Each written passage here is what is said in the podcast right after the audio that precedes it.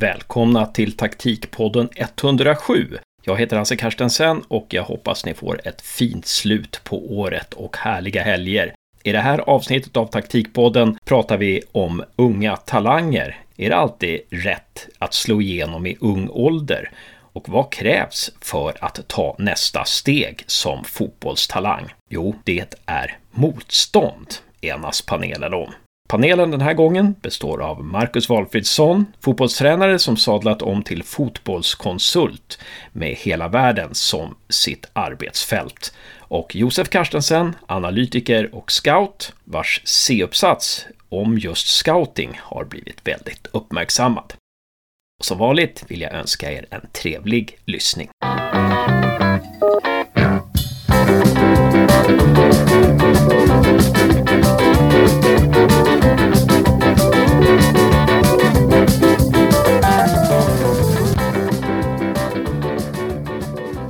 Ja, hörni, då är det dags för ännu en Taktikpodden och den här gången så ska vi ta och prata om är det alltid bra att vara framstående och bra spelare i ung ålder? Det är ju ofta så att spelare i ung ålder som slår igenom tidigt får väldigt mycket uppmärksamhet och får väldigt mycket tryck på sina axlar. Ibland funkar det, ibland funkar det inte. Vi vet ju att Alexander Isak var helt enastående när han kom in i AIK, herrlag i allsvenskan som eh, 16-åring. Eh, sen tog det några år och nu är han en färdig spelare. Eh, finns det en annan resa att göra? Är vi för fixerade vid att ungdomar ska vara bra i ung ålder? Jag vet inte. Vi ser om Josef har någon ingång på det här. Det är väl alltid bra att vara bra och framstående oavsett ålder, tänker jag. Dock, just när man pratar om unga spelare är min uppfattning av att i Sverige så har vi någon slags tro på att varenda spelare som kommer fram i ung ålder är nya Zlatan. Att eh, man har så orimligt höga förväntningar på att eh, den 16-åring som kanske de debuterar i A-laget ska ha en spikrak karriär och gå från punkt A till punkt B till punkt C utan att stöta på ett hinder. Någonstans så tycker jag väl, liksom som AIK gjorde under eh, Rickard Norlings sista år, att där släppte de fram väldigt, väldigt många unga spelare man såg inte att, hur ska man säga, att någon av de här skulle bli nästa, nästa storspelare.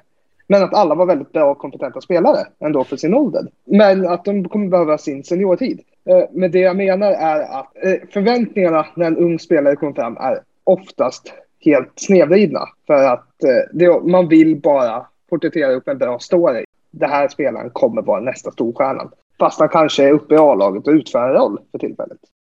Marcus, Ja, alltså jag, jag, tänker att alla som ser på vill ju gärna själv ha varit den där unga spelaren. Så då är det klart att det är lätt att, att lyfta fram dem. För det, vem hade inte velat varit eh, så bra vid den åldern? Eh, bara tänk min egen så kallade karriär. Eh, så är det klart att jag hade ju hellre varit bra när jag var 16, 17, 18 än att vara en, eh, sluta som en eh, halvt avdankad innan jag ens han börja spela ungefär målvakt i, på nivå två eller tre eller sånt där. Självklart hade jag hellre haft den att gå tillbaka till. Det jag skrev upp här när du pratade Josef var att vad jag tror kanske nyckeln för alla de här unga spelarna och det är väl egentligen unga människor generellt tror jag som är högpresterande, är ju det att få möta motstånd eller lära sig hantera motstånd, rättare sagt, längs vägen. Faran är väl om det är lite för mycket curling fram till att man slår igenom och man får alla de här förutsättningarna om man aldrig haft den här motgången. Och att när man då väl möter motgång så går det rätt till källan. Um, ehm, jag tycker att det här blir ju lite um, sådana anek vad heter det? anecdotal. När man tänker tillbaka på ja, men bra spelare som 13, 12, 13, 14 år och sen så byter de lag för att gå till ett bättre lag och sen så möter man för första gången i livet motgång. Och vad händer då? Det är det som är spännande.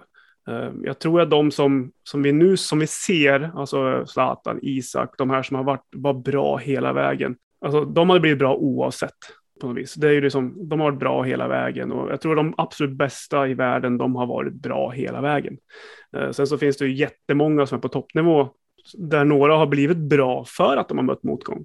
Det finns säkert jättemånga som kunde ha blivit bra om de hade lärt sig att hantera motgång och inte hade den här smooth sailing hela vägen till, eh, till stupet. Så det är väl det jag tänker som spontant att det att lära sig att hantera motgångar är så ofattligt viktigt i utvecklingen som människa och eh, framförallt som fotbollsspelare för att kunna hantera då, ja, men när man blir bänkad, vad händer då och så vidare. Kan det finnas en fara också? Det här har Josef lärt mig att, eh, genom sina studier, att det finns forskning på det. Att, och särskilt att vi i Sverige är dåliga på att låta bra spelare få utveckla det de är bra på. Att vi vill gärna stoppa in dem i ett fack. Jag vet själv många spelare i min närhet som har liksom, vars potential, vars talang har på något vis klippts bara för att de har blivit rollspelare, tvingat in, in i någonting, ska lära sig allting. Eh, vad säger du om det, Marcus? Ja, men jag håller med. Jag skulle säga att i Skandinavien generellt, och det är väl eh, på grund av den kultur vi har. Alltså det är lite jantelagen och så ska vi vara kompletta och vi är, vi är duktiga på att kunna mycket, eh, men vi, har, vi är inte så jätteduktiga på att släppa fram de här ettorna och tvåorna. Eh, så är det ju. Så det, det håller jag absolut med om.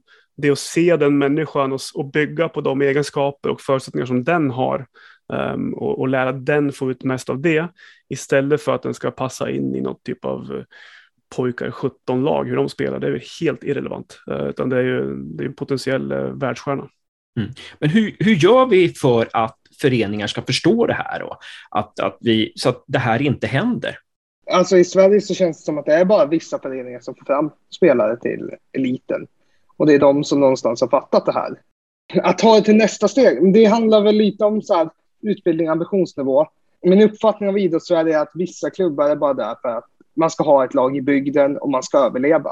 Det handlar om att gå runt snarare än om att utveckla. Och det gäller också så här att när, när en klubb väl har ambitionen att nu ska vi utveckla spelare, nu ska vi börja utföra saker ordentligt. Ordentligt inte innebär att vi ska vinna varenda ungdomscup fram tills att de är 19 år och sen ska de gå härifrån upp i A-laget, division 4 och åka på storstyrka. Nej, men det handlar ju om vad är vi mäter? Vad är framgång? Vad definierar en bra spelare? Är det den som har vunnit Sankt Erikscupen varenda år den har deltagit eller är det den som faktiskt mäts på sina fotbollsegenskaper? Så att eh, lära av de bästa föreningarna i Sverige helt enkelt borde fler föreningar göra. Jag pratade faktiskt med en tränare i ett av Sveriges elitlag och sa det att borde ni inte lära er lite av, eh, nu åker vi, eller jag sa väl bara så här, åker ni väl till BP och kollar hur de jobbar och, och AIK och så där? Nej, det är på för hög nivå, vi ska lära av Halmstad. Ja, men alltså allvarligt, det är, det, är inget, det är inget skämt, utan det är faktiskt ett riktigt citat.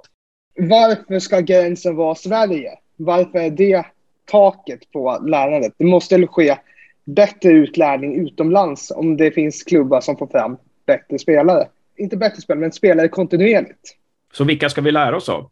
Vi ska lära oss från alla. Um, och det är ju det som jag tror är svårt för, eller det jag ser i alla fall, eh, observerat genom uh, min tid i fotbollen, är att det kan vara svårt att ta det någon gör och så faktiskt ta ur de, några principer ur det och stoppa in i sin egen vardag.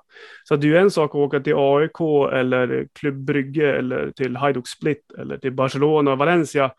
Det är ju en sak att se vad de gör och det är jättebra så länge man klarar av att se på det, reflektera och sen ta ut några lärdomar. Okej, okay, de gör det här, så det betyder att om jag åker hem till skogen och går ut på en snöfylld konstgräsbana så kan jag göra någonting som ser ut som det här, för det är uppemot de principerna de har. Det är inte, det är inte att man ser på en övning och så kopierar man den, för det, det ger ingenting, utan det handlar ju om att, att se vad det är, vilka principer man använder och sen ta lärdom av det här och försöka applicera det i sin egen vardag.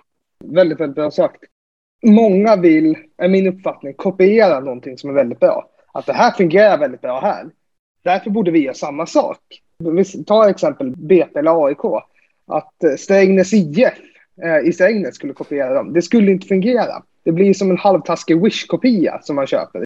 Jag bara får upp den här tanken. Eh, I mitt huvud nu så ser jag den här scenen i filmen Moneyball. När Billy Bean eh, sitter i scoutingrummet och säger till sina scouter att If we play like the Yankees in here, we'll lose to the Yankees out there.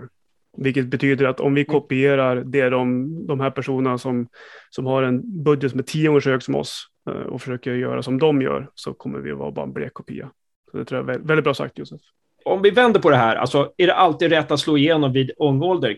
Om man säger så här, det kanske inte är rätt då, att slå igen, alltid slå igen när vi går. Hur får vi de här som är late bloomers, de här som behöver växa till sig, mogna, eh, kanske måste gå igenom vissa saker mentalt, gå igenom vissa saker personligt.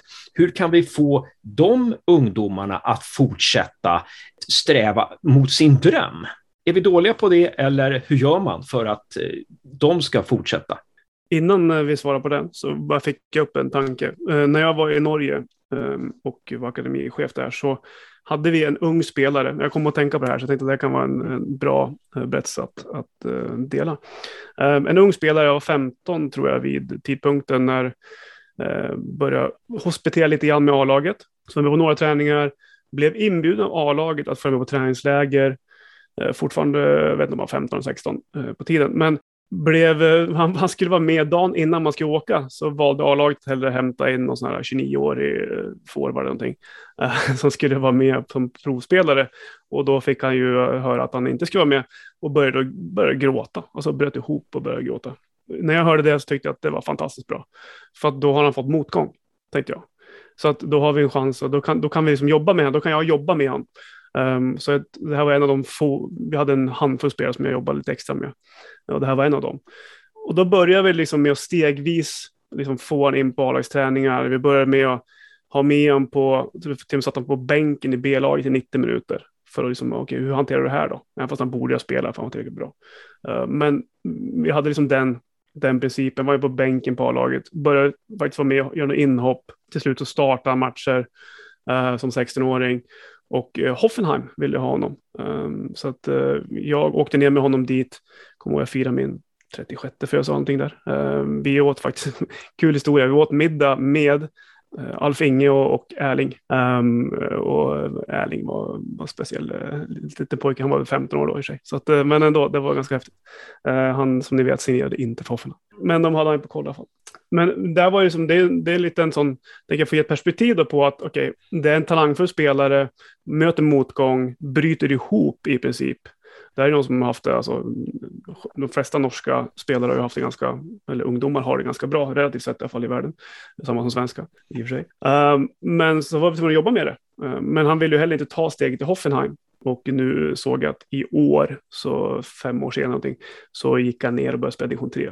Så då var det liksom, där var det över. Han hade ett par bra år på, på näst högsta och högsta nivån i, i Norge, men, men that's it. Och då började få min hjärna tänka lite mot det vi pratade om. Alltså hur kunde vi gjort det annorlunda? Kunde vi följt upp ännu mer? Hur kan man få den spelaren liksom att antingen tordas ta steget till Tyskland för det var ju det han inte gjorde, han tordes inte. Eh, för att han ville liksom ha familjegrejen och den säkerheten, vilket man kan förstå. Ingenting mot det.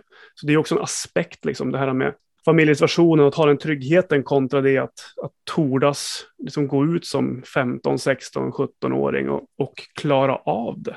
Så det var en liten eh, digression, men det den kan vara intressant. Jag tycker det är intressant för att ta steget från alltså ens lokala klubb till Hoffenheim. Det är inte alla som får den möjligheten ens. När jag lyssnar på Ståhl, ni gjorde väldigt mycket rätt, ni utsatta för motgångar etc. Men om inte han känner sig mogen när väl chansen kommer, att ta chansen. Ja, men oavsett hur mycket motgångar man utsätter den för och hur mycket prövningar. Liksom, om man väl inte vill ta chansen sen när den väl kommer. Det är upp till han. Det, ni hade inte kunnat gjort något annorlunda för att få ut honom professionellt. För att Nej. när chansen Nej, kom så, så vill han inte. Nej, så är det ju. Och det är ju det som ligger i min tur och det är ju vad gör man efteråt. Liksom, det är ju den. För att mm. som du är inne på, kanske hade jag varit ett år innan så kanske vi hade kunnat jobba mer med en i och för sig för att få en klar, potentiellt. va. För det var ingen medvetenhet runt, runt den typen av arbete innan jag kom in. Men frågan är ju, okej, okay, tackar nej till Hoffenheim och sen så börjar han bli en, bara en i gänget, vilket nog var ganska skönt för honom. Men då är det liksom, hur kan man fortsätta pusha liksom för att då kunna potentiellt ta det steget och få ut sin potential? För det är ju någonstans det det handlar om tycker jag då, att uh, få ut sin egen potential. Och det var ju liksom, det var därför jag spelade fotboll tills jag var 27, 28 eller vad det var innan jag äntligen blev skadad. Uh, det var ju liksom att ja, men jag ville i alla fall se till att jag blev så bra som jag kunde bli. Det var inte jättebra, men, men det var, jag, när jag ser tillbaka på det så, ja, utifrån de förutsättningar jag hade så kunde jag inte blivit så mycket bättre. Visst, hade jag haft eh, bättre tränare än jag var 12, självklart, men så var det inte. Utan utifrån de förutsättningar jag hade så blev jag så bra jag kunde bli. Och det är ju ändå ganska, tycker jag, då, viktigt att få den ron i sig själv. Och det är ju det jag tänker med alla de här unga spelarna, att ja, men, hur kan vi hjälpa dem få ut sitt eget potential? Och sen hur långt det räcker, ja men det får man ju se. Mm. Men jag tänker, alltså den här unga killen hade ju tur att du var där som mentor. Alltså, vissa motgångar får man ju inte göra, som liksom mista ena benet och så där. Det är en tuff motgång liksom. Och säga att, ja, nu fick du en bra motgång. Nej, men, men, men, och sen så, men när, när, du får en tuff motgång så är det ju viktigt att det finns någon där då som kan pusha, som du fanns i det här fallet. Då. Det är väl viktigt att tänka på för föreningar att eh, liksom, det är bra att utsätta folk för motgång, men då ska det finnas en motivation att, att ge, den här spelaren ges motivation för att nå ännu ett steg och så vidare. Och så vidare. För finns inte den kunskapen, då, då kan ju motgång vara ganska förödande. Det beror ju på vad man, också var man kommer ifrån för mylla, så att säga. Kommer man ifrån en mylla med en väldigt trygg familj, väldigt trygga föräldrar, så då kanske man vågar väldigt mycket mer. Josef och Marcus viftar som galningar nu. Nu kommer Marcus. Nej, men det är ju så otroligt viktigt, Hasse, det du säger att för det första så tror jag ju en sån som, ja, men som Zlatan, det var kanske inte så jättemycket motgång på plan, men mycket motgång utanför plan. Och då är det ju frågan, och i en förening då, hur kan man ta hand om de olika individerna? Alltså, som det jag gjorde, jag konstruerade motgångar. Alltså för att det var ganska komfortabla hemmamiljöer och så vidare. Så jag, jag behövde konstruera det och sätta folk på bänken och åka, åka fem timmar i buss och sitta 90 minuter på bänken och så se hur de hanterar det. Och så måste jag ju då vara där såklart och lyfta upp dem och liksom utmana dem kring deras tänkande runt det här. Som jag gjorde flera gånger. Men det ledde ju också till landslagsspelare och A-lagsspelare. Men det är, ju, det är ju den tiden och de resurserna till att liksom ta vara på människan. Alltså det finns jättemånga föreningar i vårt land som där många barn som har, och ungdomar som har stora utmaningar utanför plan. Kanske inte på plan, men utanför plan. Och då är frågan hur, hur klarar vi att bygga upp dem? Hur tar vi vara på dem? Det är ju det är att skaffa de resurserna som jag också förstår är svårt, men så ack så viktigt. Är det någon skillnad på att stagea motgångar än att få genuina motgångar som är okontrollerbara? Ja, eh, jag tror ju att det är, ju, det är en skillnad, absolut. För det blir mer dynamik i de, eh, de eh, som du inte har kontroll på. Men som tränare kan du ju skapa motgångar för spelare. Liksom du kontrollerar motgångar. Och det verkar ju då förnuftigt att använda samma principer som när man ska lära sig något nytt. Att man ja, men en liten motgång genom att kanske inte få spela den matchen eller kanske sitta på bänken den och sen bygger man antal motgångar och släpper dem mer och mer fria. Det verkar också vara någonting vettigt som föräldrar att göra. Att man liksom låter dem hantera, möta världen i, i en gradvis ökning. Så. Och då låter det lite som det här med kaosfotboll som, eh, alltså jag tror både Caroline Sjöblom när vi pratade med henne och Jonas Munkvård pratade om liksom att utsätt spelarna för det oväntade. Det handlar ju också om motgång, liksom, att, eh, eller nya grejer som kommer. Testa att möta det här. Så tänker jag också på att vissa klubbar som säger, väldigt bra tycker jag, vissa föreningar som jobbar så här att vi hör alla ihop. Liksom. Fotboll, fotbollsträningen är bara en timme i veckan, matchen är, det är kanske en gång i veckan, men livet där utanför där har vi också ett liv i den här klubben, vi föreningen. Vi umgås, alla, alla eh, liksom olika nivåer umgås med varandra och vi gör aktiviteter och så där. Och det, det tror jag är superviktigt för att skapa en kultur utanför träning och match. Ja, hörni. Mycket... Ja, ja, Josef. Jag tänkte på den frågan du ställde om late bloomers och dylikt. Jag satt och tänkte lite extra på det. Att det behöver väl inte vara en förutsättning att slå igenom tidigt för att kunna leva sina drömmar. Du bör ju kunna debutera i ett A-lag när du är 19, 20, 21. Kanske till och med spela seniorfotboll i lägre divisionen 23, 24. Men ändå kunna sluta upp med att du får leva några år där du kan leva på en idrott i slutändan, visst, alla har ju drömmar att bli storstjärnor. Det kanske är omöjligt för dig att bli världens bästa om du kommer upp när du är 21.